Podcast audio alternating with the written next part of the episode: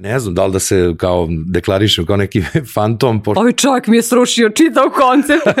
pa dajde, nemoj da se lažemo, nismo mi ne znam kakvi sad umetnici, pevači, mislim, mi prodajemo pivo po pubovima. Toliko je bilo nekih uh, odluka koje su me istrošile i, i stvarno sam bio već počeo da se pitam ko, u kolikom sam ja problemu.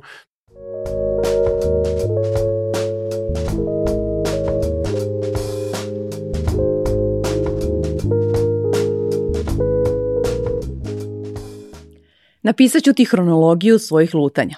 Rekao mi je Milan kada smo dogovarali ovaj razgovor. Na listu gostiju stavila sam ga kao pevača, međutim, on sada nije ni to. Valjevac, Milan Đukić je po formalnom obrazovanju inženjer saobraćaja, ali ima vrlo malo iskustva u struci. Mnogo više radio je u prodaji i sada digitalnom marketingu. Pandemija je potpuno preokrenula njegov život i zvala sam ga da razgovaramo upravo o tome. Usput pokušat ćemo da dokučimo da li on kviter kako za sebe kaže. Ja sam Aleksandra Petrovski, vi pratite Fusnota podcast, samo za radoznale. Zdravo Milane. Zdravo Aleksandra. Dobrodošao i ovako za dobrodošlicu odmah da te pitam ko si u suštini ti? odmah najteže pitanje, verovatno to svi kažu kad čuju to tvoje prvo pitanje.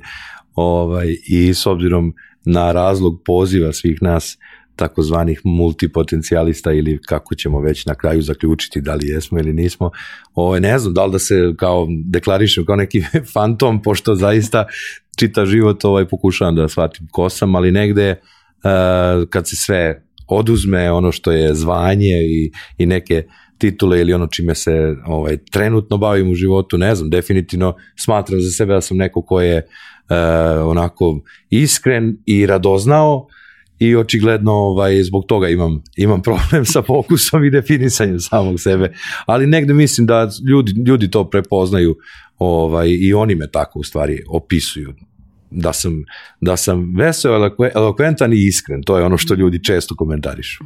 E, I to je sad onako, imamo potpuno širu sliku o tebi, a, a ja volim da pitam ljude ono, kako funkcioniš na dnevnom nivou, pa između ostalog me zanima bez čega to ne može da prođe ni jedan tvoj dan, što ti onako ispuni dan? A, definitivno a, ne mogu u trenutnoj situaciji da kažem da, da imam neki balans. U principu a, ono što mi ispuni dan u, u smislu da, sam, da se osjećam rasterećeno je kada završim najveći deo posla, ovaj, jer sam trenutno u nekoj fazi sta, stabilizacije ovoga čime se sada bavim i onda definitivno kad uspem da sve svoje taskove rešim, to je ono što me umiri i onda može bilo šta sa mnom da se radi, može da mi se komanduje na koje god mesto da ide i da radi nešto što, što bilo ko želim, ovaj, ali definitivno E, žudeo sam za tim da imam više slobodnog vremena, da li ću ga provesti sa partnerom, da li sa prijateljima, ovaj, jednostavno nekako sam tokom godine zbog tako kombinacije više poslova ovaj sve više stekao e, potrebu da provodim vreme koje je ono što kažu ljudi bleja, ali u stvari nije to bleja, to treba svakom čoveku mm. da malo uh, negde skloni fokus sa posla, sa obaveze, sa odgovornosti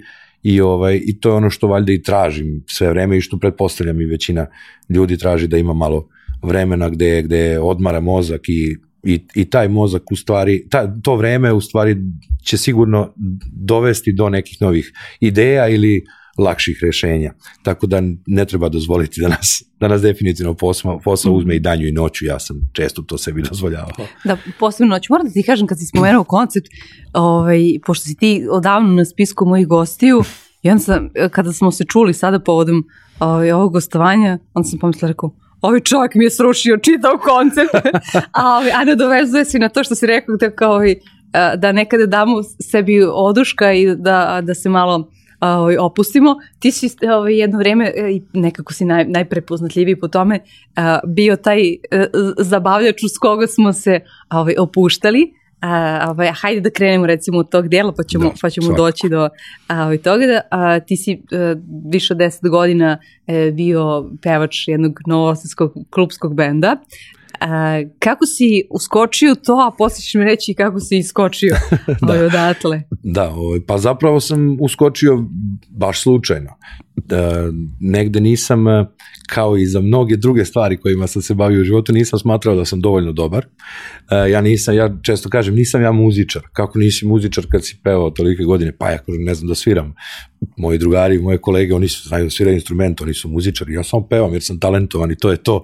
Ovaj, I baš mi se u poslednje vreme dešavalo, tako sretao sam neki kolege iz drugih bendova, kažem, ja to ja sam se povukao, ovaj, pa kako? Pa ja kažem, pa ja nisam muzičar daj molim te, kao ne možeš to tako da kažeš, jer ono, treba i da čuješ šta mi sviramo. Ok, to sve jeste tako, ali ja sam i smatrao da ako ne znam da sviram, ne treba ni da pokušam da s time bavim i da sam tako peušio u društvu dok smo studirali ovaj, ispred čuvene, čuvenog studentskog doma Bajić u Novom Sadu ovaj, i na toj njegovoj čuvenoj fontani uvek se okupljala studentarija, tako i kad sam ja počeo da studiram i tu je neko čuo kako ja jel pevam ovaj, jer je očigledno bilo i, i suviše puta ponovljeno i ovaj, jedan kolega s fakulteta, ovaj, kasnije drugar i, i saradnik ovaj, Bojan je dobio tu informaciju, a on je tražio nekoga da, da peva ovaj, uz njega i tako sam ja krenuo. Međutim, vrlo brzo sam ponovo dobio taj strah naravno, nijedan, nijedna nova avantura ne može tek tako da krene i da se razvije i sad sam ja došao i sad ja pevam, ja sam super, ja sam najbolji, naravno to ne ide tako, ni, ni, ni, niti je išlo tako ni jednoj stvari koju sam probao. Ovaj, i vrlo brzo sam ja rekao, e, ipak ovo nije za mene. Mislim da ovde treba, ti si mi čak i u pripremi spomenula uh, i tačno si prepoznala o čemu se radi, treba da do, uložim dodatni napor, da bih bio bolji. I, a meni je nekako sve što sam započinjao uh, išlo samo od sebe do tog momenta, jel, kad treba da se uloži dodatni napor da napreduješ. Ovaj, I onda sam se posle par meseci povukao bez, bez problema, nekih kao da će mi to sad nešto faliti, jer zapravo nisam ni mislio da ću to nekada radim. Ovaj, I u stvari on bio samo dovoljno uporan i verovao u to da, ja, da ipak ja treba time da se bavim i ubeđivao me i vratio sam se i u stvari je bilo da sve bolje i bolje, ovaj, malo smo se obojica potrudili oko tog nekog uh, koncipiranja čitave ekipe i traženja tezgi, jel? I vrlo brzo je to došlo na neki ozbiljniji nivo da nas je onako obuzelo i, i potrajalo. E, e, više od 2000 nastupa kasnije. Ti... Pa da, definitivno imali smo, evo sad kad pogledam, mi smo svirali 200 nešto dana godišnje. Ovaj, tako da to je onako prilično angažovanje u smislu i toga koliko nisi na nekom drugom mestu. Da, da. I proba i, da, i svega da, to nisam što... ni računao. Da. što je otprilike e, e, skoro jednako kao i na, pa, sati nastupa, prilike, da, više. Da, da, bar, bar, dobro, naravno, na početku tog uh, nekog, neke stabilizacije čitave, čitavog tima i formiranja uh, generalno celog repertoara, koji je neki, neki kor, neka playlista, ovaj, uh, bilo je mnogo intenzivnije probanje, vežbanje, naravno kasnije kad već dođu po 3-4 svirke sedmično, onda se baš ne. i nema ovaj vremena za probu, ali naravno čim se javi potreba za širenjem repertoara ili nekim željama ovaj, ljudi za koje treba da se odradi neki vikend, onda ajde zakazuj probu, skide novo, vežbaj. Ovaj, ali recimo da smo, da smo trošili 2-3 sata ovaj, u studiju nedeljno, uz naravno odlazak do tamo i povratak, tako da opet nedeljno moraš potrošiti 4-5 sati bar na to. I putovanje na nastupe i odlazak kući i sve to. Ja sam često govorio kad budu izmislili uh, teleport. teleport, da, bit će mi sve mnogo, mnogo lakše. Da. I, i meni to, to mi jedino fali u životu. to mi jedino fali u da životu. da bude samo... Da, nije problem, možemo svuda, da. možemo sve, ali ako mogu samo da se... Mada sam šanta. razmišljala, da li bih više volila da mogu da se teleportujem uh, ili da mogu da, da se kloniram. pa, da, bilo je i tih momenta. Šta bi ti više volila? Ovaj, Pa zavisi, zavisi u, u kom trenutku, da. Definitivno zavisi od toga da li sam se i suviše umorio uh, i da li sam se i suviše umorio od tog jednog, jedne stvari kojom se bavim. I onda je to u stvari, verovatno taj moment kad poželim da se kloniram, to je bilo onda, ok, ovo više ne radim, sad radim nešto drugo. Ovaj, ali definitivno bi mi teleport stvar značio ako neko može da poradi. Ako može da, da se javi, da ostavi u komentar. Da. Ja sam kao da razmišljala, znaš, kao da li bih onda imala, ako se, ako se kloniram, da li bih imala istovetno iskustvo nekako, znaš, to je onda ovaj, Pa, ono što da, se zapravo, čini ljudima, tek sad, da. tek sad kada si rekla, u stvari vidim da sam razmišljao i o tome. A mislio sam kao, ne, to mi je onako kao palo na pamet, samo prošlo kroz glavu, u stvari sam malo dublje razmišljao o tome. Da, kao šta, kakav će onaj biti drugi, da li će biti isto dovoljno posvećen, da li će on u stvari stvarno, ili moram da stojim da dežuram i pored njega, ono, znaš. Ovaj, da, tako da vrlo sam brzo odustao od te ideje. E, e, kada smo kod posvećenosti, e, ti nisi, e, iako, jesti od, od rane mladosti, od, od školovanja osnovnog i tako dalje, posvećen muzici i drugim vrstama umetnosti javnog nastupa, a, ali e, ti nekako si onako ideš na prirodni talent, bukvalno, jer si kasnije vežbao glas i ok, ja. Jesam, svakako, naravno, došli su momenti kada ne može sve na, na talenat. Mi smo u nekom momentu kao, kao band odlučili da e, kao ajde sad mi snimimo nešto, da nešto iza nas ostane i da kao idemo mi na tu estradu, jel? Vrlo brzo smo shvatili da estrada nije za nas, pošto ovaj, mislim da, ne, da me bil, bilo ko ne razume pogrešno, ovaj, jednostavno, očigledno u našoj ekipi nismo ranije mislili da ćemo ceo život time da se bavimo i svi su e, završili neki fakultet pa su kao prvo krenuli tim putem, ali je, ovo je super jer realno eto zovu nas ljudi imamo puno posla pa, pa ćemo da radimo i to. Ovaj, nikome to nije bilo primarno zanimanje i onda je bilo i logično da ne uspemo na estradi. Ona zahteva opet potpunu posvećenost i ovaj i negdje i prisustvo u raznim promotivnim i ne znam s kakvim sve ovaj formatima, tako da samo smo zapravo eto snimili par singlova za koje sam ja morao da idem da malo učim da pevam. Mislim, ovo je bilo bukvalno na, na talenat i na ono što su mi kolege koje znaju da sviraju za razliku od mene sugerisale, ovaj, tako da sam pohađao i časove i onako uvek, uvek smo bili, e, ajde, ok, najbolji, najbolja je ova profesorka, to košta toliko, idemo tamo.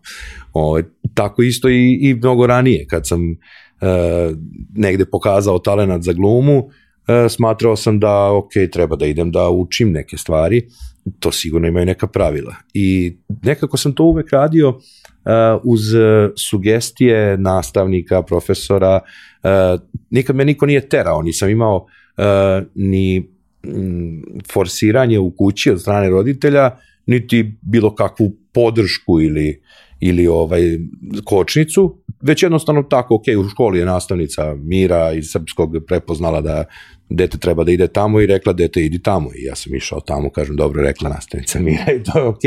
I meni tamo bilo super, ovaj, dve, tri godine sam pohađao tu neku privatnu školicu glume kod Katarine Vićentijević u Valjevu. I onda posle već u srednjoj školi prve dve godine totalno nisam pokazao inicijativu da ja nastavim time da se bavim. Jer sam upisao tehničku školu, tamo nema ni dramski studio, nema ovaj, dramska sekcija, to tamo ne postoji. Ništa, ok, bavimo se školom i ostalim dečijim zanimacijama. Jel?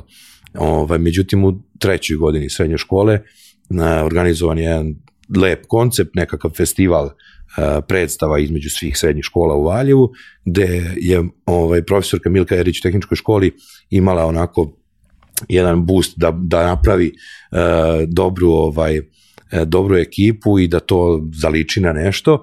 Ovaj i onda se ja pojavio kao neko, neko ko se već školovao za to, mislim školovao.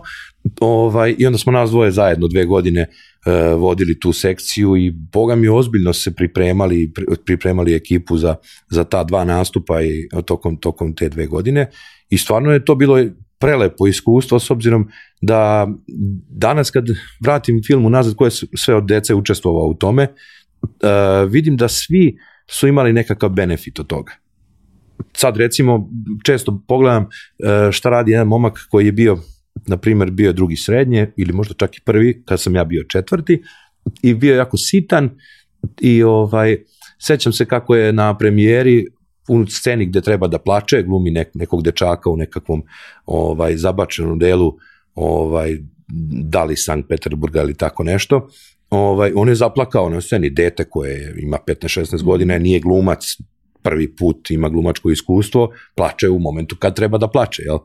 I ovaj i on je tada bio recimo uh, upisao neku školu za neki, neki zanat, neki smer nekog, nekakvog zanata. I danas taj momak drži privatnu firmu, za proizvodnju kamena, za uređivanje ne znam čega sve, sam vodi marketing, e, sam radi prodaju, ima tim od 15-20 ljudi i kontaktirao sam ga kad sam video neku reklamu njegove firme i nemamo mi kontakt.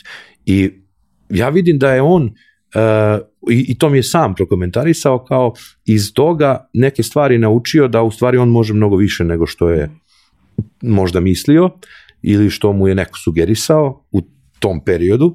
Ovaj, i čak i svi drugi iz te cele ekipe su danas neki ljudi koji uh, ne bave se glumom, ali su onako izdvajaju se tom nekom elokvencijom i komunik načinom komunikacije, očigledno su uspjeli da dođu do e, malo boljih uslova za sebe.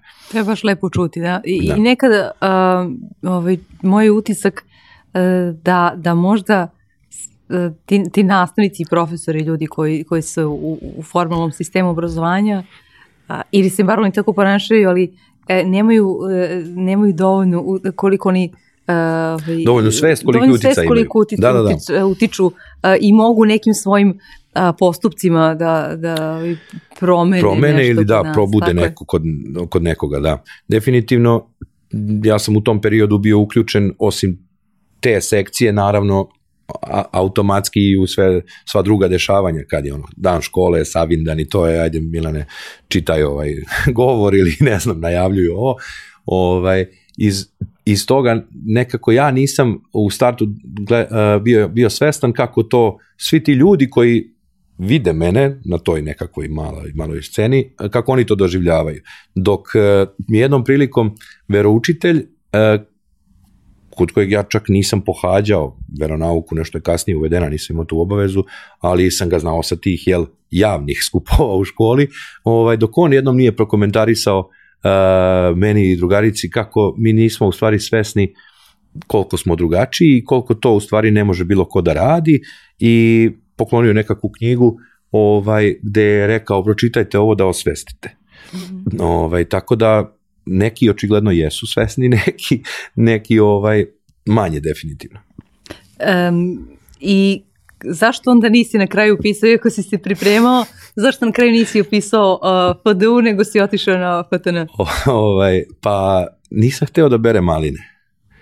Aha, misliš, misliš da, oni koji su, mi ja znam neki koji su vrlo, vrlo uspešni. Ne, ne, ne radi se uopšte o tome, nego se radi upravo... O tom letu, da. Da, da, upravo se radi o tom letu i možda narednom letu kad ne bi prošao. Znaš ono kao kako većina glumaca priča, a pa nisam iz prvog puta, ja sam iz drugog, ja sam iz trećeg i tako dalje, a ja sam taj lik koji se plaši neuspeha, jel, i koji definitivno misli nije dovoljno dobar svemu što treba da počne da radi. I onda sam ja, ovaj, pošto su moji roditelji veoma rano ovaj, se ocelili iz grada na selo i ovaj počeli da se bave tako uzgojem voća, povrća, životinja i ostalo što seljani u Valjevskom kraju rade. Ovaj, I to je onako, moj osjećaj je bio da to mene čeka ako ja ne odem na fakultet, jel? Naravno. A to si doživljavao kao neku kaznu na neki način? Mhm. Pa ne kaznu, osjeća, e, doživljavao sam to kao ukidanje prilike da ja budem nešto drugo. Odnosno izostanak prilike da ja budem nešto drugo. Jer ovaj, ja sam njih posmatrao kao nekoga ko, hajde da kažem, uvek mi bilo žao e, kako njihov život trenutno izgleda. Iako sam bio dete, imao sam mnogo uh, stvari da prigovorim za to što se neko seli iz grada u selo. I sad što sam ja stariji razumem. To više, naravno da nisam to razumeo kad sam imao 14 godina i kad ja preko letnjeg raspusta idem da berem maline ili kupim nečega god da je sezona, ovaj, sad sa 36 i ja bi da odem na taj plac i da ga malo sredim i da tamo provedem što više vremena i to je verovatno poznato sada i tebi i mnogima naših, naših godina. Ovaj, I sad ja kažem da je ta zemlja i to imanje neko bogatstvo koje ne, nije, nije svako u prilici da ima, samo ga treba uh, doživeti na pravi način, iskoristiti. I sada sam u potpunosti uh, u konfrontaciji sa tim njihovim osjećajima od tada. Međutim, naravno da je to meni kao detetu predstavljalo problem, nekome ko uh, tek dobija priliku da nešto novo nauči i onda mi je bilo onako zaista strašno da ja ako ne upišem fakultet dramskih umetnosti, uh, čitavu godinu zapravo provedem tu, jer bi zapravo bilo glupo i od mene ružno da ja ne budem te cele godine na tom selu i pomognem njima, s obzirom da su tamo sami i da nije to baš bilo, nije to seosko imanje gde čitava porodica živi pa ima sva mehanizacije pa njih 15 radi i tako, nego se ono što sam ja govorio, njih vas dvoje se slomiste tamo, jel? Treba neko tamo da bude da pomogne. Ove, međutim, ja sam ipak imao želju da pobegnem iz Valjeva i ovaj E, I opet, opet kaže što sam stariji, sve mi se, više, sve mi se češće ide malo do Valjeva. Nekako su se i tu u kraju stvari sredile, ne da se vidio s nekim komšijama koji su sad, ono, bili su mi drugari iz detinstva i su imali nekakve svoje puteve i sad su odrasli ljudi ovaj, i vidim da su onako kvalitetni ljudi i zbog toga mi se sve češće malo mm. ovaj, boravi tamo koji dan. Uh, definitivno sam odlučio da bukvalno iz tog razloga, kada seća se situacije, bili smo na nekakvom okružnom takmičenju u recitovanju, ovaj, s obzirom da smo imali opštinsku smotru i tu sam kao bio jedan od osam pobednika i to je bila interesantna situacija pošto 20 godina čini mi se niko van e, gimnazije nije bio u tih sedam pobednika koliko ide na opštinskoj smotri, te godine su proširili za jednog, pošto već njih sedam je trebalo da, da pobedi, pa su bacili osmog jer je bilo bez veze da ne bude i taj osmi, odnosno ja. I ovaj, vraćali smo se sa, sa tog okružnog takmičenja i moja profesorka koja me spremala za, za takmičenje mi kaže idi sedi s Katarinom, znate se dobro, bio si kod nje u školi, rekla je žena spremaćete za akademiju, moraš da ideš. Ja kažem, ali ne želim da idem. Dobro, idi priča s Katarinom. Ok, Katarina i ja tako u autobusu od Mionice do Valjeva sedimo i pričamo i ona kaže, ali stvarno je, znam te toliko godina, uvek jesi pokazivao talenat i bio si od boljih u grupi, a što nećeš? Ja bukvalno to kažem neću kada ću da ostanem da berem maline, ja želim nešto drugo za sebe. I tako ja odlučim da upišem fakultet tehničkih nauka, jer ne znam, neko, neko od drugara je rekao, e, to su telekomunikacije, pošto sam ja taj smer ovaj, na, na saobraćenom odseku, kao to će da se razvija, mu rekao, ma da, šta se polaže na prijemnom? Matematika, super, ja polagam matematiku u trećem srednje, ovaj, pa nema veze, ajde spremit ću. I 12 dana pred prijemni, ovaj, sednem sa profesorkom da, da spremam matematiku i spremim taman da, da budem drugi ispod crte za budžet. pa sam upisao na samofinansiranje, ali definitivno to bila moja odluka samo eto daj bilo, bilo šta. Nije da me interesovao poštanski saobraćaj telekomunikacije kao kao branša, kao delatnost, nego ajde idem kao neki tehnički fakultet, što je jel, logično i ovaj, daj da se što pre spremim pa da ja idem tamo. Hvala Bogu, starija sestra je već bila u Novom Sadu, Ovaj, ona je sedam godina starija od mene i studirala je u Novom Sadu, pa je bila logična odluka da i ja idem u Novi Sad, iako je u, u, u tom periodu nekako mnogo više Valjevaca išlo u Beograd bliže je i lakše je vratiti se kući vikendom po hranu i tako dalje i sve ostalo. Ovaj, ali eto, mi namo je bilo Ovaj, ja ne vjerujem ja da je samo zbog toga da ajde. Da, da, da. Ovaj, definitivno je uh, odlazak na studije uz, uz njeno prisustvo uh, meni mnogo, mnogo olakšao život u Novom Sadu i to je jedna od stvari koja je mnogo uticala na to kako ću se ja u Novom Sadu snaći i šta ću ja po Novom Sadu u stvari e, napraviti od kontakata i tako dalje. S obzirom da nisam bio sam i nisam bio e, obavezan da kući spremam i ostalo, bukvalno kao da mi je mama tu, ovaj, jer 7 godina u tom periodu nije uopšte mala da. razlika, ovaj, imao sam njenu potpunu podršku i dobio slobodu, da ja istražujem. I tako sam u stvari uh, ja vrlo brzo upoznao mnogo ljudi sa fakulteta i to je onako mi, mi u društvu kažemo luda neka sreća jer smo maltene u krajem prve godine se skupilo društvo od 12-13 momaka koji dan danas imaju Viber grupu i čujemo se svaki dan. Ovaj, i čim je neki vikend da može što više nas da se skupi, skupi se i to je ono što sam već spomenuo što je meni falilo kad sam ja kasnije počeo da radim vikendom, ovaj, pa i kad sam kombinovao dva posla, što ne mogu njih da vidim ovaj, toliko često, a oni se druže. I onda sam imao utisak kako se ja udaljavam mm -hmm. od te ekipe, kako ja više nemam iste razgovore, iste doživljaje, iste anegdote sa njima, ovaj, pa sam ja stalno pa sam počeo da tražim u stvari izlaz i to je možda jedan od razloga što sam toliko lutao, pa kao ajde upišemo ovo, pa ajde upišemo ovo, pa daj da uložim u ono, ovaj, ne bih li ja našao u stvari eh, jednu stvar kojom ću da se bavim i, i da imam to slobodno vreme kad se družim s tim mojim drugarima. Ovaj, ali eto, taj period eh, pre fakulteta i početkom fakulteta definitivno ovaj, je onako bio ne znam, odluke su bile malo donešene na, na, na brzinu. Da. Ali- Bi, izvini, bi, bila je naravno već krajem prve godine fakulteta e, tema odustajanja, jer kao kakav je ovo fakultet, šta je ovo, i onda mi je tetka ovaj, koja je profesor u poljoprivrednoj školi, e, evo baš ove godine ide u penziju, ovaj, rekla, vidi Mićo Panj, šta ti mislio to lako?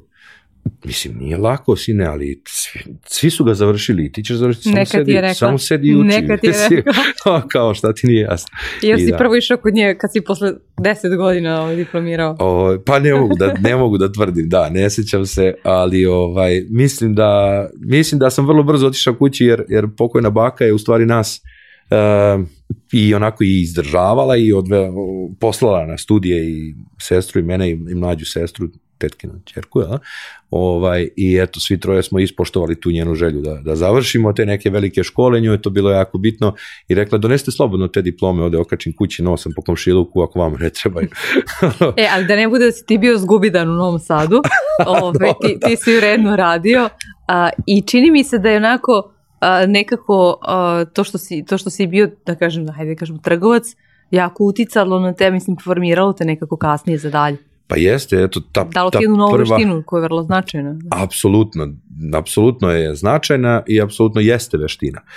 Ovaj, e, već nakon te prve godine boravka u Novom Sadu i tog mog istraživanja i Novog Sada i ljudi i sebe, ovaj, e, rođak je ponudio da malo ja počnem kod njega da radim kao trgovac, ima prodavnicu boje lakova, u super, kao zaradit ću nešto, to je bilo ono prvo, ovaj, a i kao što da ne, ono kao trgovac možeš sretneš milion ljudi. Meni to nešto uvek bilo kao upoznaješ ljude, jer i dan danas mislim da je to baš, baš bitno.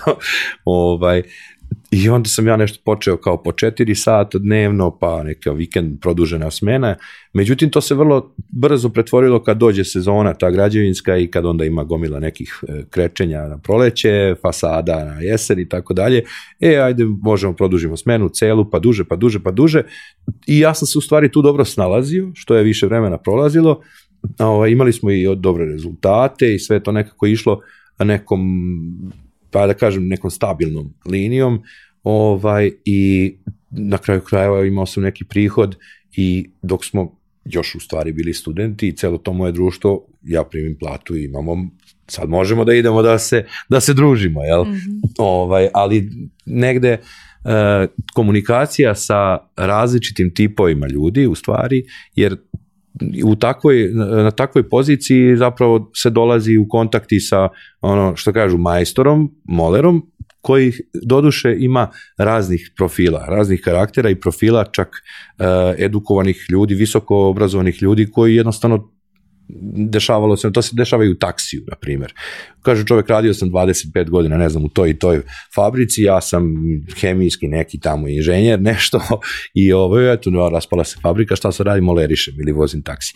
Tako da, uvek sam bio svestan toga, da imam šta da čujem, od bilo koga s kim budem u kontaktu i ovaj i na kraju krajeva i neko ko je čitao život Moler sigurno je bio kod raznih ljudi i pričao s njima i može mi prenese nešto što ja nisam bio u prilici ni da čujem ni da vidim.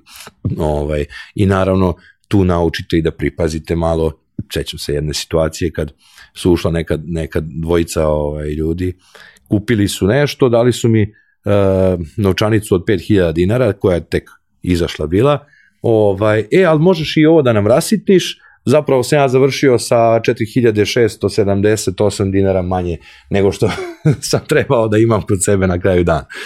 Ovaj, I to se naravno desilo, verovatno srećom, vrlo brzo, po, pošto sam počeo da radim.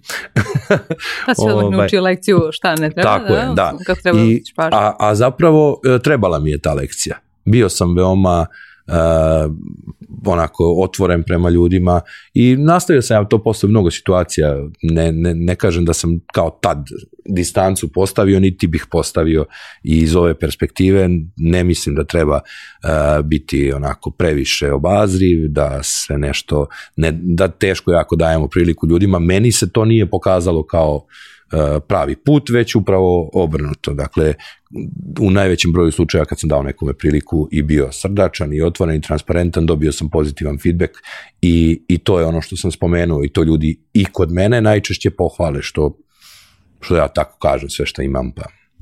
Kom se svidi, svidi, Da. ko mene ne. Pa da, da.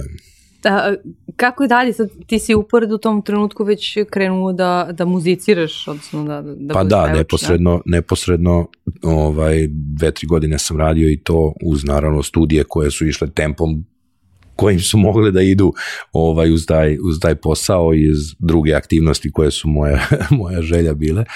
Ovaj, već 2010. godine uh, sam započeo eto, tu, taj deo karijere ovaj, i to se vrlo brzo pretvorilo u, u, onaj, u onaj tempo o kojem smo već govorili i negde je tu najveći problem bio uh, naći balans koliko dati sebe tokom vikenda,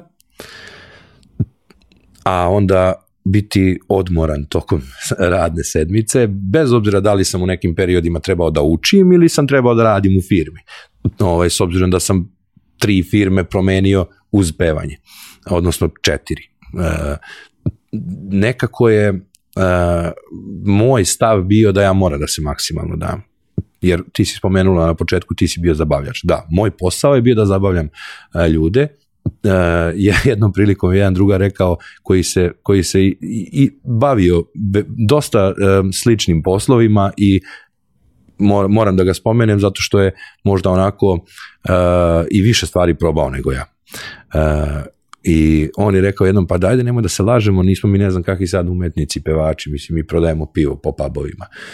I to je meni ostalo onako urezano, jer da, što mi pravimo bolju atmosferu, to će ljudi popiju više piva i onda će gazda kaže super su dođete i sledeći put. Da, ja bih rekla da prodajete dobar osjećaj, jer Upravo to. mi možemo, ovaj, poredila sam jednog pevača koji ima jedan snimak koji je fantastično otpevan, sve je tačno s- i fenomenalno A je. mnogo takvih snimaka. Ove, ali s druge strane ima jedan snimak gde čak i ja koji sam potpuno antisluhista vidim da, da je isfalširao, da je ali, e, ove, ali u tom drugom snimku mu sve verujem.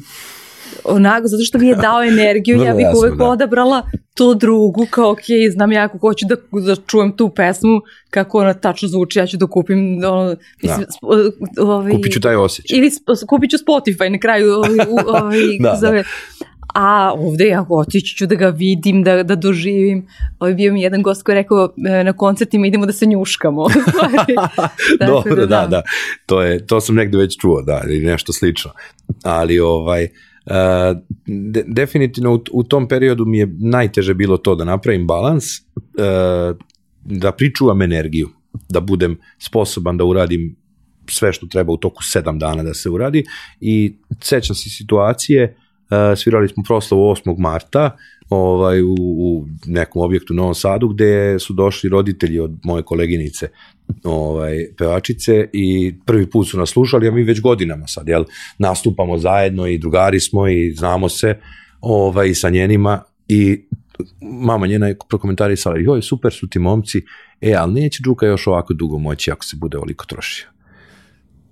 I onda vrlo brzo nakon toga sam ja, kako mi ona to prenela, počeo razmišljam o tome. E, kako ja da se u stvari pričuvam, a da to bude taj lik kojeg ljudi znaju zato što mu veruju, upravo to što si ti rekla, ne zato što peva kao Pavarotti, nego zato što eto, mu veruju i da je, daje nešto iz, o, o, ono maksimum od sebe, ja onda sam imao stav tu, onda neće biti to.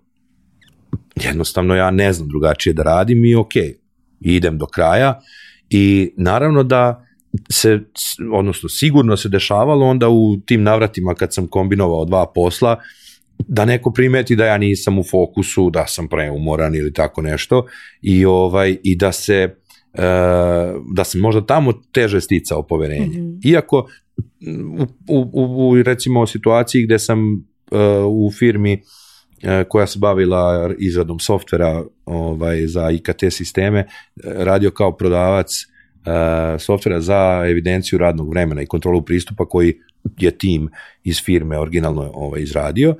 E, ja sam odmah hteo da uložim dalje u edukaciju. Ja sam najpre e, tražio, aha, gde, ja, gde se učio prodaj? Ja sam sad B2B prodavac, Mhm. meni je vrlo jasno kako to Što je ide. drugačije nego da. Tako je, ja više nisam trgovac koji funkcioniše sa raznim jel, ovaj, privatnim licima, majstorima i nekim eventualno ovaj, komercijalistima, dobavljača i tako, aha, ja se treba komuniciram sa nekim drugim donosiocima odluka, ajde gde se to uči. I onda ja kao tražim to po internetu i vidim da postoji neki smer, neka privatna akademija, gde se uči prodaje i management prodaje. Ja odaberem taj smer najpre, međutim, uh, ganjajući popust sam upisao godinu za narednu školsku godinu da dobijem ja 200-300 evra popusta jer nije, nije bilo jeftino školovanje uopšte. Ovaj, bez obzira što sam zarađivao dosta od muzike imao i taj posao ovaj, naravno da to što zaradiš od muzike, to se veoma, veoma lako potroši, mislim koji sve drugo što zaradiš, ovaj, uvek sam govorio da ono, nije to novac kojim kupiš jahtu pa kao imaš puno para, ja. nego to je novac koji jednostavno imaš malo više i što je normalno, bi tako bismo svi trebali da imamo. Ovaj, tako da sam gledao i taj, taj popust i ovaj, i dok sam ja krenuo u tu školsku godinu, ja sam u stvari promenio fokus, više nisam bio ovaj, prodavac u toj firmi, uh, već uh, sam promenio zanimanje i postao uh, nekakav saobraćeni inženjer koji sam jeli zvanično sa diplomom, ali u transportnom preduzeću koje se bavi drumskim transportom i prevozom polovnih i novih automobila, što praktično nije moj opis obrazovanja. Ali to je ovaj, najbliže struci što se ikada Ali bio. to najbliže struci, tako je. Zabeleži, tako dobro. je, da, da, da. Kao pozicija se zove saobraćaj inženjer, to mi piše u, u, u diplomi i kao to, ajde idem tamo da radim. Ovaj, a onda, onda ja kažem, ok, onaj tamo smer što sam ja dogovorio da krenem, ajde ja to promenim i šta imate novo i napravimo aneks ugovora, sad ću ja biti uh, uzeti upravljanje projektima jer meni sad treba neko upravljanje. Ja sad hoću da organizujem rad u firmi jer to od mene očekuju. I tako da ja jesam uvek imao želju da dam sve od sebe i tamo. I tražio načine da ja za to nađem resurse, naučim, neko kaže, pokaže, platit ću, nije problem, daću sve od sebe vikendom da zaradim, da platim, da još naučim, ali ovaj, definitivno sam, kad god sam neku novu edukaciju ovaj, završio, e, ipak očekivao da ću ja tu stvarno nešto da naučim i da ću onda postati to. Ali nikad nisam poslao, postao to. A zašto? Pa iz prostog razloga što nekako uh, opet nisam smatrao da je to dovoljno. Da ja se deklarišem kao ja sam sad ovo. Uh, ne ulazim u to da li je uh, da li je ta edukacija bila dovoljno dobra i da li sam se ja, ne znam, da li sam ja dovoljno bio posvećen tome da duboko razumem, već jednostavno uh, i stvari su se dalje odvijale tako da ja imam potrebu da budem još nešto i da ja još nešto saznam, da bih ja kao zaokružio sliku i, i mogao kažem, e, ja sad radim to zato što znam i ovo, i ovo, i ovo, i ovo. I to je današnja situacija u stvari, da. A, a, ovaj, a kako si prvo dolazio, a, ti s jedne strane nekako nemaš problem da uskučiš u nešto novo, a s druge strane nemaš ni problem da kažeš ja imam strah od toga. da. što, je, što je vrlo interesantno, da. ali Uh, ovaj, da li si uskakao u nove prilike ono, bežeći od nekih, da kažem uslovno rečeno, ovaj, bežeći od nekih drugih, to smo, to smo ovaj, spomenuli negde na početku, ovaj, da sam to, da, pobegao, kao, da. Kad, kad, kad, se, kad se nešto teško, ovaj, kad je nešto postaje i teško i tako dalje, ovaj, da se ti povlačiš. Hajde, da Jesi razmišljao nekada, si analizirao svoje tako postupke? Definitivno, pa jesam, svakako da. E, zapravo sam mnogo puta sebi postavio pitanje da li ja nisam dovoljno hrabar da priznam sebi da treba da uložim dodatni napor. To je bilo često pitanje. Ovaj, I onda kao, dobro, sad ću da počnem da učim nešto novo, jer će mi to biti zanimljivije, jer u stvari ne znam ništa, pa mi sve novo što naučim tu ovaj, zabavno. Osjećaš I, neki progres. Dobro. Jeste, jeste, tako je. To je taj osjećaj u stvari koji, koji dobijamo promenom. Ovaj, I dok ovamo u stvari taj, to je kao kad ljudi kažu aha ok, treba skinem kilograme, da, pa prvih 15 svuče za dve nedelje, a onda kad krene skina, skida po kilo, a joj, ali teško, je tako? Da. E, to je isto to, samo, jel ovde idemo kao, bildujemo nešto, pa i čak i i kada hoćemo da bildujemo telo, zaista, ovaj, pa kao odmah vidimo neke rezultate, pa i kroz mesec dana, međutim kad to usporije, onda nije baš tako zabavno. Onda baš treba da se uloži napor. Mislim da nije to ni samo kod mene, ni samo kod nekoga ko, uh, ko nema fokus i ko ima želju da ovaj, uči svašta nešto, da se bavi više stvari, nego to je jednostavno tako, zbog toga mnogi odustaju od sporta, koji je veoma zahtevan način života, jel? zato što tu baš treba da uložiš dodatni napor i zato nismo svi naučnici, jer ono baš treba da uđemo što se kaže, sitna crevca. Ovaj, tako da, Ali tebi ne to smeta kod tebe? da li mi Da li ti smeta kod tebe? e, što, što sam odustajao i što, Da, što sam, da. pa da, da, naravno. E, zato što opet dođe do nekog lošeg osjećaja, pa ja opet nisam ništa napravio. Ja sam opet potrošio vreme i opet sam odustao i kad se to ponovi 4-5 puta u toku života, pokušavanja, šta god, ovaj, počneš stvarno da se brineš, jesi ono normalan. da ono kao šta nije u redu, kako ja sad to da sad da nadladam, da, da konačno rešim ko sam, šta sam, čime se bavim. Naročito u periodu gde sad prošle su studije, e, drugari, kolege imaju neke poslove, što se kaže normalne poslove, jel? I ima i taj moment e, što naša izreka kaže s kim si takav si, a u stvari ima i ona izreka ti si prosek pet ljudi s kojima ovaj, provodiš najviše vremena. Pa sad kome se šta više sviđa, poenta je manje više ista. Ovaj, e, I to ima, to je bar meni Hoćeš da kažeš da ti svojim drugarima kvariš prosek, jel da? otprilike, da, da. Ovaj, hteo sam zapravo da kažem da po, mi svi imamo tendenciju da se ugledamo na te neke ljude iz okruženja, jel? I par puta sam uhvatio sebe da sam se požalio nekome, jel? Jedna prijateljica ovaj, iz Novog Sada mi je rekla, čekaj bre Milane, pa uh, evo, ja sam iz Novog Sada, rođena sam u Novom Sadu, ja imam svoj mikrosvet i apsolutno nemam pojma o čemu sad ti pričaš.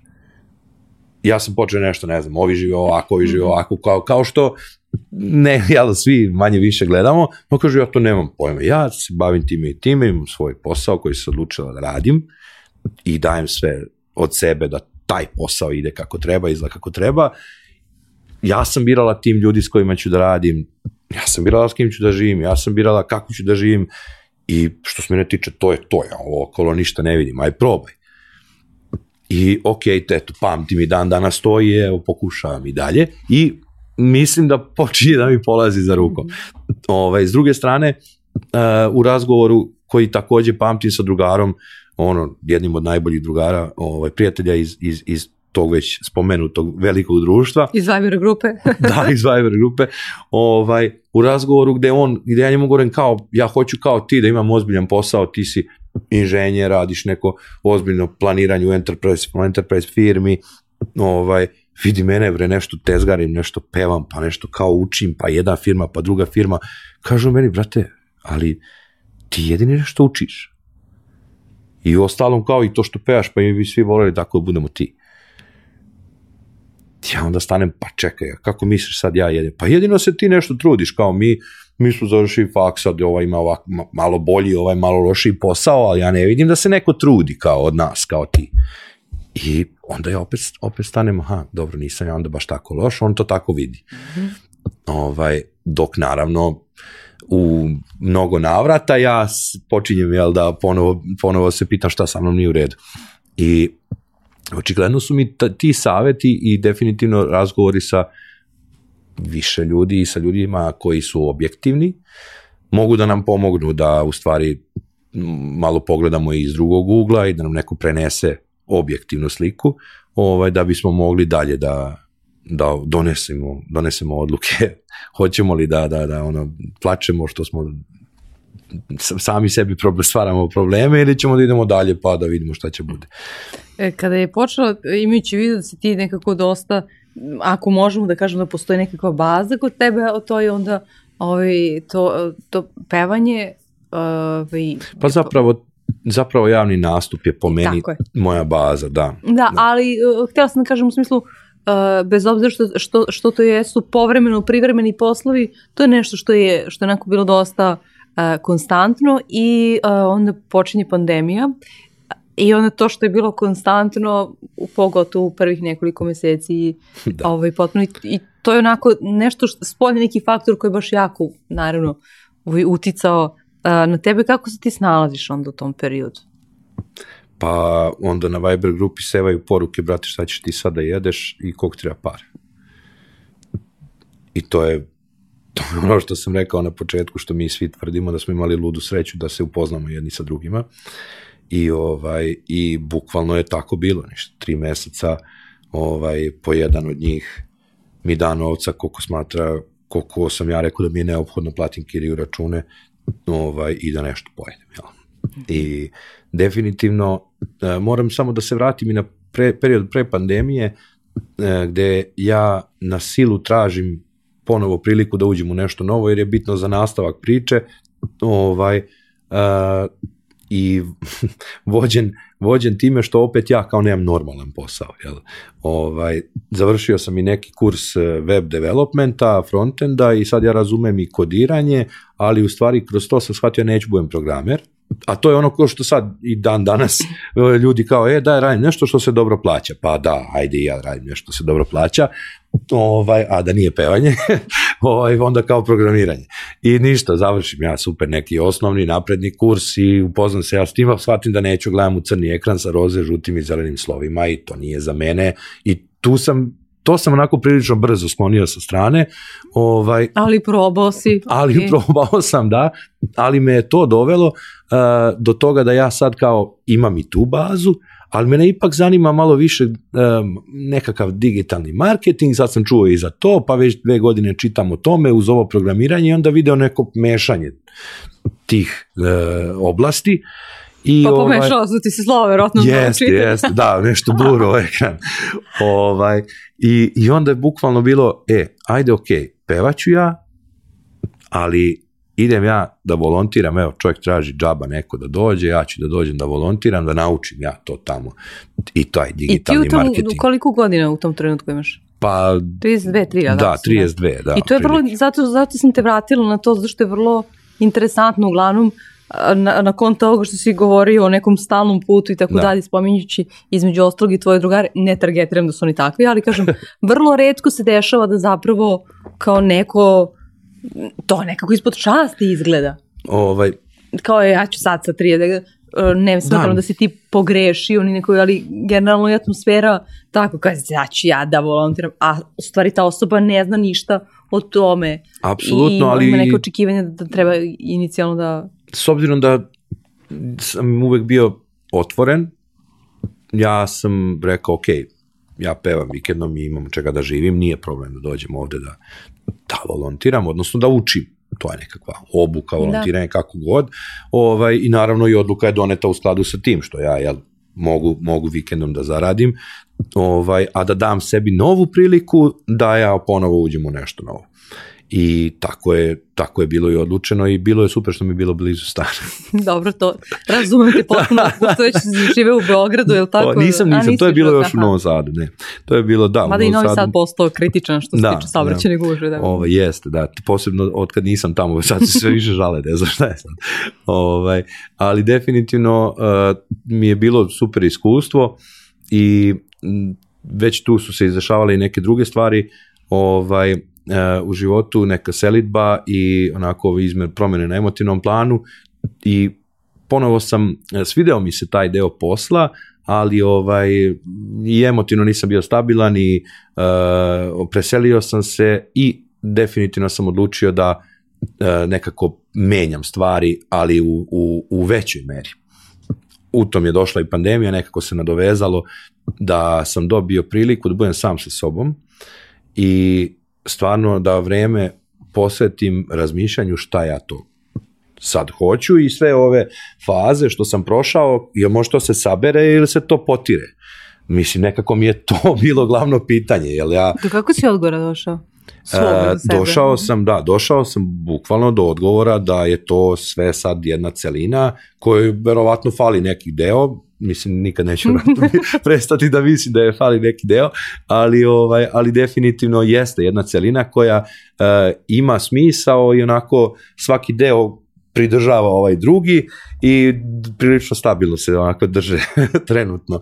Ovaj, definitivno sam samo rekao sebi jednog dana, ok, ništa nije bilo e, bez veze, ni jedan uložen dinar u edukaciju, ni, ni jedan minut uložen u učenje i to pokušavanje, ovaj, niti bavljenje bilo čime, nije bilo uzalud, jer stvarno sada iz ove perspektive uh, osim toga što gostujem u tvom podcastu, ovaj, a ne zaista mi je bila velika čast kad, kad si me pitala, ovaj, bez obzira što je tema to lutanje i nije nešto, previše, nije nešto pohvalno, ali mogu da kažem da sad u ovom momentu uh, vidim smisao svega što sam pokušao, što sam uh, istraživao, u šta sam uložio, uh, nikome ne bih posavetovao da ne proba što više stvari jer e, neće se nigde e, oduzeti, neće se nigde potirati, već će uvek biti zbir. Uh -huh. e, I ajde sad da, da nastavimo dalje ovaj, sa, sa ovaj, da, da događanjima u pandemiji, da. tako je, da. Ti nisi sedao skrštenih ruku, nego si iskoristio to vreme osim da promišljaš, što je vrlo značajno, ovaj, i da učiš. I tako dalje. je, da. Ja i dalje imam potrebu, to je, pitala si me ono pitanje šta mi fali u danu, fali mi da učim. Mm -hmm. ovaj, trenutno ne stižem baš mnogo da učim, iako imam neke plaćene ovaj, edukacije, ono, pretplate mesečne, što mi, što mi skidaju pare svakog meseca, ja ne pogledam ništa, ovaj, jer imam operativne, operativne stvari koje radim. Ovaj, I u tom periodu mi onako nekako, čak sam se osjećao u nekim momentima i lagodno što sam ja kao sam, i ovaj dobio sam vreme, nešto je počelo da se dešava bukvalno u svetu, ono neka kataklizma, a ja sam kao u stvari baš i nisam tako loš, osim što nemam kinte, ali tu su mi drugari, pa, pa mi je omogućili to, ali kao konačno sam ostao malo sam, jer je toliko bio turbulentan period, toliko je bilo nekih uh, odluka koje su me istrošile i, i stvarno sam bio već počeo da se pitam ko, u kolikom sam ja problemu i to je, to je onako bio period gde mi je trebalo da budem sam, da me niko ništa ne pita, da ja nađem sebi šta ću da gledam i zašto ću to da gledam i slušam. I, o, i nađoh ja tako neku školu Nedima Šabića za SEO i ovaj i zahvalan sam mu do neba i zagalio sam ga dva puta sad kad sam ga video u mesec dana oba puta sam ga zagalio rekao sam mu moram ovaj jer ja sam to uh, pokušavao da izučavam i iz raznih stranih izvora i ovaj i naravno svega onog što što sam i, i morao da platim, ali kad se to desilo, osim toga što sam imao vremena da to da uložim u to, eh, jednostavno je koncept i on takav kakav je nešto što je mene totalno okrenulo i i ovaj i psihički i emotivno i jednostavno ponudio sam se, imao sam stav i on mi na kraju krajeva savjetovao, uzmite, radite džaba nekom nešto, kaže, da, da imate drugare, ima neku firmu, neku džaba napravi sajt, taj, ovaj, i tako ja uradim, napravim, pošto sam, jel, i ono što sam spomenuo, učio, ovaj, i kako se prave sajtovi, uzmem ja napravim neki sajt nekom poznaniku, ovaj, pa još jednom drugaru, pa ja to sve što tamo Nedim priča primenim da vidim jel to... Što je najvažnije kad kupiš bilo koji kurs, jeste, okay, da primeniš, jeste, dobro. Tako je, ovaj, taj kurs nisam kupio, to je džaba. To je on radio zašto i on, bila pandemija pa nije imao šta da radi, pa sedeo kući pa se družio s nama online. Ovaj, Ali vreme je takođe resurs jednako kao značajan kao novac, uložio si neko vreme u to. tako je, tako je. Ovaj, I definitivno, eto, ja primenim te, te metode, i tehnike i počnu neki rezultati. I onda u, opet sam bio kao, dobro, ali ja, kao, kako ja sad to nekom da naplatim, čoveče, ja sam to tek počeo, mislim, ja nisam stručnjak za ovo, ja ovo ne znam. A u stvari ja to znam, ali kako ja sad to nekom kažem, ali opet, e, moja trenutna situacija i, i ja ne znam šta, šta drugo nego to tako, ja to kažem, to se tako namestilo. Mislim, kako, ja, ja sigurno ne bih takav kakav sam, e, done odluku, ja sam stručnjak za ovo, to košta toliko i toliko, nego ja nemam para. ono kao nemam Nužda para, treba dobro. mi para, je, šta da radim, je, ljudi, evo, ja to radim za toliko para, oglasio se, ovaj, ono, freelansujem to i, i opet neka sreća, uh, javi mi se jedna devojka s kojom da, i dan danas i njenim suprugom sarađujem ovaj, i ponudi mi da, da radimo zajedno, ovaj, odradimo jedan projekat, drugi projekat, ovaj, onda se krenu nadovezivati potrebe tih klijenata i ja zapravo dođem u situaciju da tražim nekoga ko će da bud, kome ću da outsourcujem na naredni korak, jer ja to sad već ne mogu da ponudim, toliko ozbiljan nisam, a nisam neozbiljan da sad opet ovaj kao ulazim u nešto da dodatno učim i, i ovaj nekakav redizajn sajta i svašta nešto je trebalo da se radi. I onda se tražio preporuku od poznanika i dobio preporuku za jednog momka iz Beograda, ovaj, odnosno koji ovde živi i radi i on mi ponudi da u stvari uh, ja sam njega preporučio da on dovrši to što sam ja predložio da se uradi za klijente, a, ovaj, a on mi je brzo ponudio da pa dođi kod mene radi šta, mislim dva projekta si mi namestio, te da dođem u Beograd. Kako, kako Beograd, čovječe, ja, ja sam ja sam iz Novog Sada, mislim kao nisam iz Novog Sada od 16 godina, ne mogu ja da idem nikad, uvek sam govorio neću nikad otići u Beograd. Eto, i sudbina se pojavila sa tobom. mada, mada si... Uh, ovi, mada sam u Zemunu. I, u Zemunu si, tako jeste, da... Jeste, u pravu si, u Zemunu sam, nije Značajna to isto. je to granica, vrlo. O, da, ogromna je granica.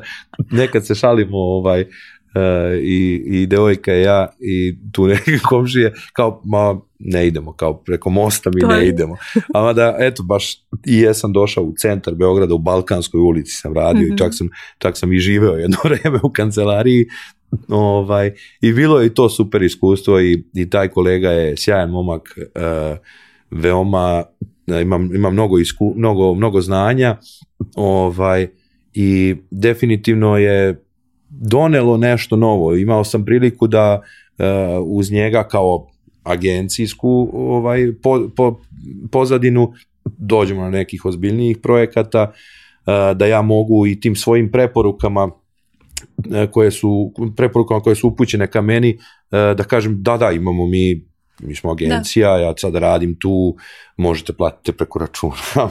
Mislim, sve je nekako izgledalo drugačije i valjda se onda brže iskaliralo.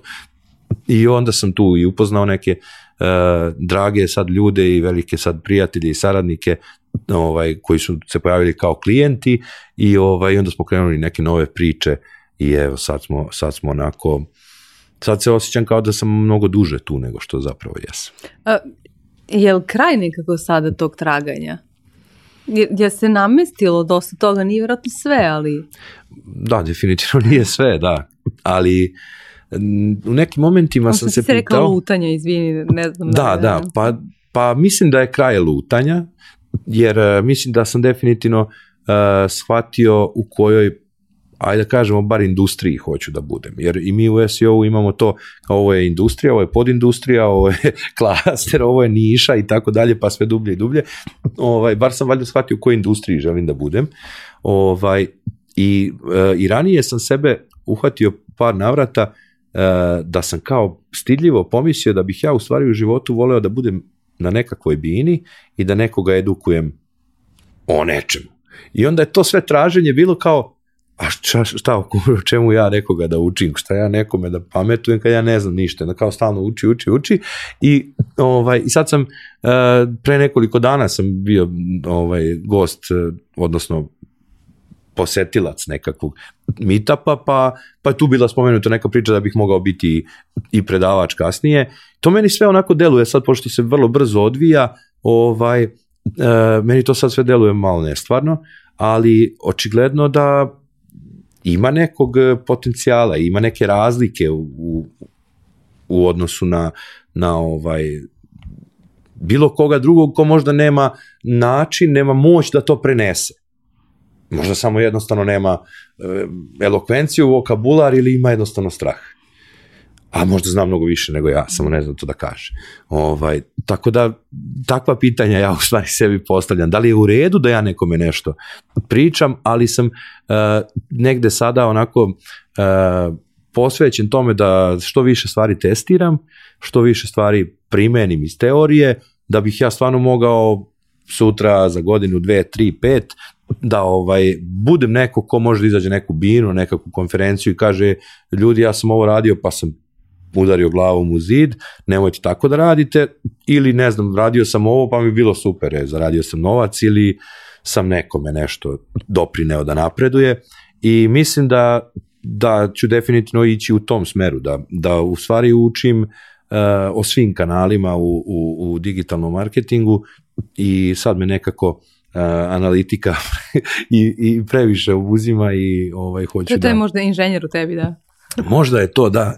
Recimo, izvinjavam se, recimo kad, kad sam imao statistiku na fakultetu, uh, nije mi bila tako strašna kao matematika 1, matematika 2, matematika 3 i ostalo, ali ovaj, ali uh, delovalo mi je da možda bude zabavno, ali nisam video naravno kao ni jedan student da. primjenu, da. Uh, sada vidim vrlo, vrlo jasno tu primjenu, uh, tim pre što ovaj možemo da da utičemo na na te statistike i ovaj i onako vuče me da se u stvari posvetim učenju učenju postavki, učenju celih ono workflowa i, i customer journeya, pa negde mislim da ću se u stvari time baviti u budućnosti. Mislim da bi mi bilo zabavno i mislim da je e, lep osjećaj koji, koji kaže i svaki programer i ja prvi put kad sam napisao prvu liniju koda, ono kao klikneš enter, a ono ne znam, dugme, neko dugme postane crveno. I Vidiš da- da- produkt svog rada. da, bukvalno, da. I to je bilo super kao, wow, to me mm, nagnalo da upišem kurs. Krenuo sam iz nekih jel, free ovaj, resursa i kad sam video taj, kad sam doživio taj osjećaj, je vidi ovo radi, ja napisao kao dve linije koda, super, a i upišem kurs da, da mogu da napravim nešto, da mnogo više stvari radi. Tako i ovde isto. Ovaj, mislim da, da će me vući taj osjećaj da sam nešto nekome doprineo i na kraju krajeva da sam zaradio neki veći novac kroz neki svoj projekat, tako da ovaj, neću sigurno prestati da, da učim, a da je, da je sve drugačije, da je sve malo stabilnije i da je možda uh, lutanje pri kraju to, to možemo da kažemo, da. A, Da li to, što, da li e, ovaj, ima veze to, odnosno da li je uzročno posledična odluka da ti pa ne znam da li se za stalno, ali e, ovaj, okačiš mikrofon u klin. Aha, ove da li imam, aha. da li je, pa ne, e, zapravo, zapravo sam ja zvanično se povukao nakon dolaska u Beograd. Mm, Ne bih se ni povukao, verovatno još uvek da se nije pojavio neko za koga smatram da, da ja neću ostaviti ekipu na cedilu. Ja, ja to nikad nisam hteo da uradim jer, jer sam smatrao da je e, ružno od mene da smo mi kao gradili nešto zajedno, jer zapravo uvek smo bili svesni toga da mi nismo nismo mi birani tako kao ja, što onaj, onaj svira gitaru, on je virtuoz, ovaj svira bubanje. Nego ste ekipa zapravo. Nego tim, smo da. ekipa, da, koja je krenula da se skuplja tako, ja i kolega s fakulteta, pa ja znao kolegu koji svira, drugara koji svira klavijaturu, stariji od mene dve godine, od tog pijemo pivo ispred Bajića zajedno, no ovaj, trenutno nema benda, e, pa ajde doći s nama, evo, počeo i ja da pevam, pošto on već pet bendova bio do tad promenio, ovaj, i onda se tako skupljala ekipa i meni je nekako bilo, nije bilo normalno, da ja kažem njima jedan dan, e ljudi, ja neću više. Pa nije to, nije uopšte igra. Tim pre što sam ja bio lice koje stoji ispred. Bez obzira, e, sad neko sad kaže da li je frontman onaj što radi organizaciju pozadnje ili je frontman onaj što peva i stoji ispred, ovaj, po bukvalnom prevodu onaj što stoji ispred jer je frontman, jel? Ovaj, e, ljudi su prepoznavali moje lice i zapravo su zapravo je gitarista radio sve dogovore s mladencima i sa gazdama, a u stvari svi misle da razgovaraju sa mnom. I onda ja dođem, a nas dvojica kad, kad dolazimo na nastup, ovaj, on onda više ne komunicira, nego ja preuzimam komunikaciju, dobar dan, mi smo, ja sam pevač iz ovog benda, mi smo stigli gde treba, gde je struja, gde, kako ide protokol i tako dalje. Ovaj, I oni u stvari misle, a pa da, čuli smo se. Ja kažem, nismo se čuli. "A, Kako se nismo čuli? Pa ti si Bojan. Pa nisam Bojan, ja sam Milan. A tebe, a dobro, nema veze. I sve to tako bilo, ovaj, nekako je bilo veoma ružno da sve ono što smo dogovorili, ja odjednom njima kažem, e, ja, ja to neću raditi. Međutim, jedna godina, druga godina, treća, peta, kako ja više ne mogu, naravno i pandemija kad je došla i ja sam preležao koronu dva puta, valjda, nemam pojma, ovaj, e, i osetio sam napor i fizički, jer kada, kada smo ponovo počeli da radimo, ja sam onda putovao ličnim automobilom za Novi Sad, za Sombor, umesto da se vratim sa svirke u dva ili tri noću, ja se vratim u pet ili šest, jer moram dođem kući u Zemun, ovaj, i sve je to postalo onako više naporno nego što je normalno da bude. I psihički i fizički i naravno e, i posao je ovamo krenuo. I negde sam u jednom momentu prelomio da m, ja jednostavno ni ne mogu da se kloniram, ovaj, a nemamo ni teleport mašinu, što smo na početku Još uvek. ustanovili, da nije realno da ja to izvedem, a da budem dovoljno dobar i tamo i ovamo. A odlučio sam da želim ovamo da budem dobar, jer ne znam, eto, to je, to je ovaj, no, valjda ono što sam malo pre rekao, želim da budem to. Želim da jednog dana stvarno budem u nečemu stručan i da imam rezultat koji mogu nekome i da prenesem. E, kako ja pevam i kako ja skačem i zabavljam ljude, to ne mogu da naučim nekoga. Sad evo tvrde, e, ali ti si to trebalo da nas žališ jer za to se rodiš. Pa ok, rodio sam se i bilo mi je lepo 12 godina, ovaj, sad mislim da sam se rodio i za neke druge stvari, pa hoću da vidim da li jesam ili nisam. Ovaj, I Koliko definitivno... ti ti komentari, uh, spominjali smo kad smo razgovarali, rek, rekli su ti, je, ti si rođen za to, ali rekli su da nekim komentarima, uh, u nekim situacijama možda ponestajala podrška nekih ljudi i da si možda i zato odustao od nekih stvari. Pa zapravo u tom delu karijere nije. Mm, Tu nikad nisam video nedostatak podrške. Ja sam dobijao, uh, znaš ono kad kažu uh, svim umetnicima, svim ljudima koji se bave javnim poslom, pot, potrebna je, potrebna je povratak energije. Jer ako si je stvarno Da. izbacio, nije normalno da ćeš biti posle baš čitav ovaj, e, i na mestu ako nisi dobio povratak energije i mi smo se stvarno tako osjećali ovaj, kada ne znam, ne, nemamo feedback na nekoj svirci naravno da se dešavalo, ne mogu kažem da se nikad dobro, nije ako ste desilo svirali, ako verovati Balašević i kad sviraš u Somboru i to. nije, Šalim. ovaj, ne, naprotiv, u Somboru je stvarno bilo uvek super, da. I dobro u Novom Sadu, zašto nose kišovrane i tako. Da, da, da, da. Ovo, dobro, da, ima raznih priča i, i u nekim intervjuima ranije ovaj, koji su bili a, apsolutno fokusirani na, na to kao član benda, ovaj, su uvek pitali kao, je li publika stvarno teška u Novom Sadu? Pa jeste teška, ali... Dok ne upoznaš ono u Somboru. Pa da, ili u Bečeju. da, da. O, ali nije, u Somboru smo baš mnogo, mnogo godina proveli i taj prvi spot smo snimi, snimili u gradskoj kući u Somboru i onako u Somboru baš ima lepo iskustvo sa publikom, ovaj, ali definitivno postoje postoje različite energije. Recimo kad, uh, kad smo počeli u Valjevo češće da odlazimo, ovaj, Uh, svi moji iz benda su posle prvih par nastupa u Valjevu počeli da govore kad ćemo opet u Valjevu, kad ćemo opet u Valjevu. Što, što? Kao zbog duvan čvaraka. Pa, da, kao, ali nije samo zbog čvaraka, kao, nego stvarno kao ljudi su ono, bre, sve, sve im odgovara. I nije to samo tako u Valjevu. Ali to je zbog Duvan Čvaraka. Ali je, da, ja da, kao zato što- veliki fan. da, zato što verovatno češće konzumiraju. Pa ovaj, sve potama. Da, ni, ali definitivno nisam, nisam osjećao da mi fali tu podrška, uh, ali sam sigurno smatrao da uh, neću nikada biti u situaciji da budem Zdravko Čolić koji sam hteo budem kad sam bio baš dete kad sam ono na VHS-u imao sve njegove spotove i hteo da budem čola i peo po ceo dan. Doduše, to je bilo interesantno, ovaj, stalno su mi govorili i, i tetke i roditelji uh, kako se ja zatvorim u sobu i uzmem neki mikrofon ili već nešto, nije bitno šta ima da se drži u ruci i, i sam pevam i igram. Nisam ja insistirao da ja kao, e, sad ću ja vama malo da pevam. Mislim, ima deca radi i to. Dođu gosti pa kao, ajde da vam ja malo pevam. Ovaj, ne, ja, meni je bilo da ja pevam, ali zatvorite mi vrata i nemojte mi, ovaj, nemojte mi smetati.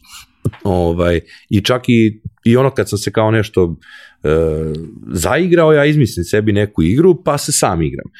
Ovaj, ali to uopšte posle kad sam imao priliku da to radim, nije bilo, uopšte nisam, nisam želeo da me niko ne gleda. Apsolutno sam želeo da svi gledaju. I, I imam potrebu, imao sam tokom te karijere potrebu, obratite pažnju, molim vas, i, i meni onda lepo. I komunicirajte sa mnom i ponašajte se u skladu s ovim što vam dajem.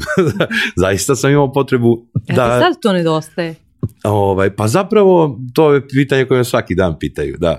E, jel ti nedostaje, jel ti nedostaje? Pa ja kažem, a stvarno ne znam da ne stigne da mislim trenutno o tome. Zaista ne, ne stignem uopšte da razmišljam. Jer stvarno sam sad onako u, u fokusu da ispoštujem sve, sve klijente, sve zadatke koje sam postavio Osim ovaj, što si u sebe. fokusu, jesi li ispunjen?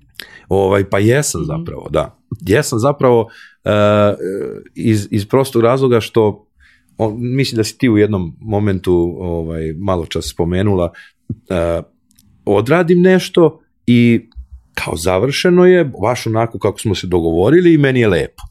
I ajmo sad možemo, ne znam, napolje, idemo, znaš, kao, radio si domaći, možda ideš napolje. ovaj, definitivno, uh, mislim da jesam ispunjen ovaj, i nekako je cela konstelacija, kako mi sad dan izgleda, to si na početku spomenula, ovaj, ono što meni odgovara ja sad više ne moram da se vozim kombijem na svirku ili ne moram da putujem tamo ovamo, ja sam trenutno kod kuće. Možeš da budeš i... Zdravko Čolić u svojoj sobi. E, mogu da budeš Zdravko Čolić u kupatilu i sobi, jeste, ovaj, ali definitivno mislim da, mislim da sam opet gledao napraviti sebi situaciju da baš se ja ne lomim, znaš. Mm -hmm. To sam pomislio isto dosta puta kao sam ja lenj u stvari. To mi je isto bilo pitanje kao jesam ja lenj ili nisam lenj, mislim, ili jel da li ljudi kao toliko rade ili radim puno pa mi teško ili sam ja u stvari lenčuga pa mi teško. To isto nikad nisam uspeo da razlučim. Jer ja sad sebi napravim situaciju da ja ležim po ceo dan na kauču i radim i super, imam gomilu posla, ali, ali ležim realno. Moj tate je crnogorac i šavnika, sa Durmitora i valjda ima neke veze s tim. Šalim se naravno, ovaj, ali to je onako floskula koju svi smatraju da sam ovaj, stara šala, jel? Ali ali ne znam, da, mislim da možda ima i neke veze. Važno da si ti namestio kako tebi prija da. i, i da, da si se nekako upoznao šta, šta je ono da, što... Da, sam uspeo nekako da no, provalim šta mi u stvari da. treba. Da. E, bez kog znanja ili veštine ti danas ne bi bio ovaj Milan sa kojim ja razgovaram? To pevanje, odnosno javni nastup? To je, to je zapravo... Uh, to je zapravo način komunikacije, odnosno neka transparentnost u komunikaciji, ovaj, i, i iskrenost. To je isto to je isto stara anegdota s fakulteta, ovaj kad kad nas je dva, tri meseca odlagao jedan profesor uh, i pitao nas je jednom prilikom kad smo došli na usmeni, o, jeste vi spremni? Ko svi, jesmo, jesmo. On nešto baš lepo raspoložen bio. I, ovaj, I kaže on, ma da, već, već dolazite ne znam koliko puta, ja verujem da ste vi to naučili, danas ćemo da vidimo šta ćemo s vama. Đukiću, koliko si ti ovaj... Minuta učio. ne, nego kao, koliko si ti osjećaš ovako spremnim? Ja kažem, pa profesore, koliko već učim, mislim, stvarno da znam baš dosta ovoga, pa dobro, a koliko ti treba vremena još, eto, da ti sad meni kažeš koliko bi ti trebalo vremena da budeš siguran da ćeš položiti i da mi završimo s tim. Ja kažem, treba mi mesec i po dana. Posle dva, tri meseca odlaganja, dobro. kaže, a prijatelj moj, kum sadašnji ovako i već kaže, a ja izvadio ovako, dva, dva prsta uzeo indeks i kao spremio se da nam upiše ocene. Kad je ovaj rekao mesec i po dana, ja spusti. A da, bilo je, da, to sam, zaboravio sam najbitniji deo zbog kojeg me danas ovaj, i dalje zafrkavaju. Ovo, bilo je, uh, hoćete iskreno, profesore, to, to sam njega mhm. pitao. On kaže, pa iskreno, Đukiću, samo iskreno. Pa reku, iskreno, mesec i po dan. Da, i onda ovaj, samo kao, samo samo kad je pitao hoćete iskreno profesore, kaže ja sam samo vratio na indeks u džep, jer kao znam da će da kaže onako kako jeste, jer mi to realno nemamo pojma i realno od šest meseci da učimo kao mi nećemo i dalje to razumeti, jer e, zapravo posle shvatio taj predmet bio super. Ovaj, inženjerske analize su bile u pitanju i za, zapravo sve što je tamo pisalo mi treba danas i svima nama treba i u životu treba, ovaj, ali to tad bilo za nas onako nešto, neko gradivo koje nismo mogli da osvestimo. I ja sam to stvarno učio, ali ja sam bio iskren. Ja da bih to razumeo u potpunosti, mislim možda bi meni trebalo i tri godine da ja to razumem, ili de, de, 15, 16 godina kao što sada razumem, ali, ovaj, ali ja sam njemu rekao mesec i po dana, eto, jer ja sam to onako hteo da se pojavim, ako me čovjek pita iskreno, hteo da se pojavim i da šta god me pita da ja znam. To je odgovor da. koliko ti treba. A ne da sam mu rekao dan, dva, kao što su ovi svi planirali da, da mu ja odgovorim. ovaj, tako da, mislim da je i ta iskrenost nešto, nije mislim, nego to mi ljudi danas govore kada me, kada me pitaju za ponudu, kada me pitaju, klijenti u, u, u ovoj branši kojom se sada bavim, veoma često i u najvećem, najvećem broju slučaja nemaju pojma šta je to zapravo, što je potpuno legitimno, ali nije legitimno da tako ostane. Zapravo se trudim da uh, maksimalno ih uvedem, a malo je, malo je čudno ovaj, to što ne smeš da ih ni previše opteretiš, jer naravno on čovjek ima svoj biznis, bavi se Ali time treba da bude bavi. transparentan odnosno toliko da on zna ako želite da, da izgradite ono, Apsolutno. da, Da, sarađujete. da nego, nego nekad, nekad onako moraš da im objasniš e, neke detalje tog posla e, koji nekoga zanimaju, nekoga stvarno ne zanimaju. Kaže, nemoj mi, nemoj mi ta, baš tako mi detaljno objašnjavati, mislim ima svojih problema. A ti to uradi, tako to, sve to što si ti ispričao, to super što ti to znaš, aj ti to tako uradi. Ali u stvari moraš nekad da bi mogao KPI-eve da posle izmeriš, ovaj, ti moraš da i njemu objasniš da i on to razume. Tako? I da bi mogao da ih postaviš. istim jezikom, Tako da je. uspostavite zajedničku Tako je, ali eto imaju, imam, imam feedback da se zahvaljuju što sam o, transparentan i što sam mi lepo objasnio i što ih vodim kroz to. I onda mislim da u stvari veština koju, koja je moj najjači adut jeste komunikacija i transparentnost i ovaj i ta neka elokvencija koju, koju ljudi primećuju ovaj ni, ništa od, od ovoga što je e, neko zvanično bilo bilo ovaj formalno ili neformalno usavršavanje ne mogu trenutno da istaknem kao kao najveći najveću ve- najjaču veštinu u mom portfoliju ovaj a već mislim da su to ove ove karakteristike. Bez obzira na to, ja sad imam jedan, ovaj, stavit ću te na muke, šalim se, neću, a, ovaj, zato što si, ali si neko ko, ko voli da uči, tako da kao uspomenu na, na ovo gostovanje, Krojačeva škola ti poklanja godinu No, dana super. besplatnog pristupa a, ovaj, njihovoj platformi, a, naći ćeš, sigurno sam nešto za, za sebe da zaokružiš i da dopuniš svoje znanje. apsolutno ću naći sigurno nešto za sebe, znam, znam i kakav program imaju i naravno a, u nekom momentu sam pohađao, šta više, mislim da sam PHP učio sa nekih YouTube snimaka pre nego što su osnovani No, krojače u školu, da, da, apsolutno veoma se zahvala na takvom poklonu. Super. Da. A, Hvala ti što si bio ovaj, moj gost i što si podelio ovaj, svoj priču. Hvala tebi mnogo na pozivu i zaista se osjećao prijatno i želim ti da e, nastaviš da stvaraš sjajan sadržaj, zoveš, zoveš sjajne ljude i da imaš mnogo uspeha u svemu što radiš. Hvala.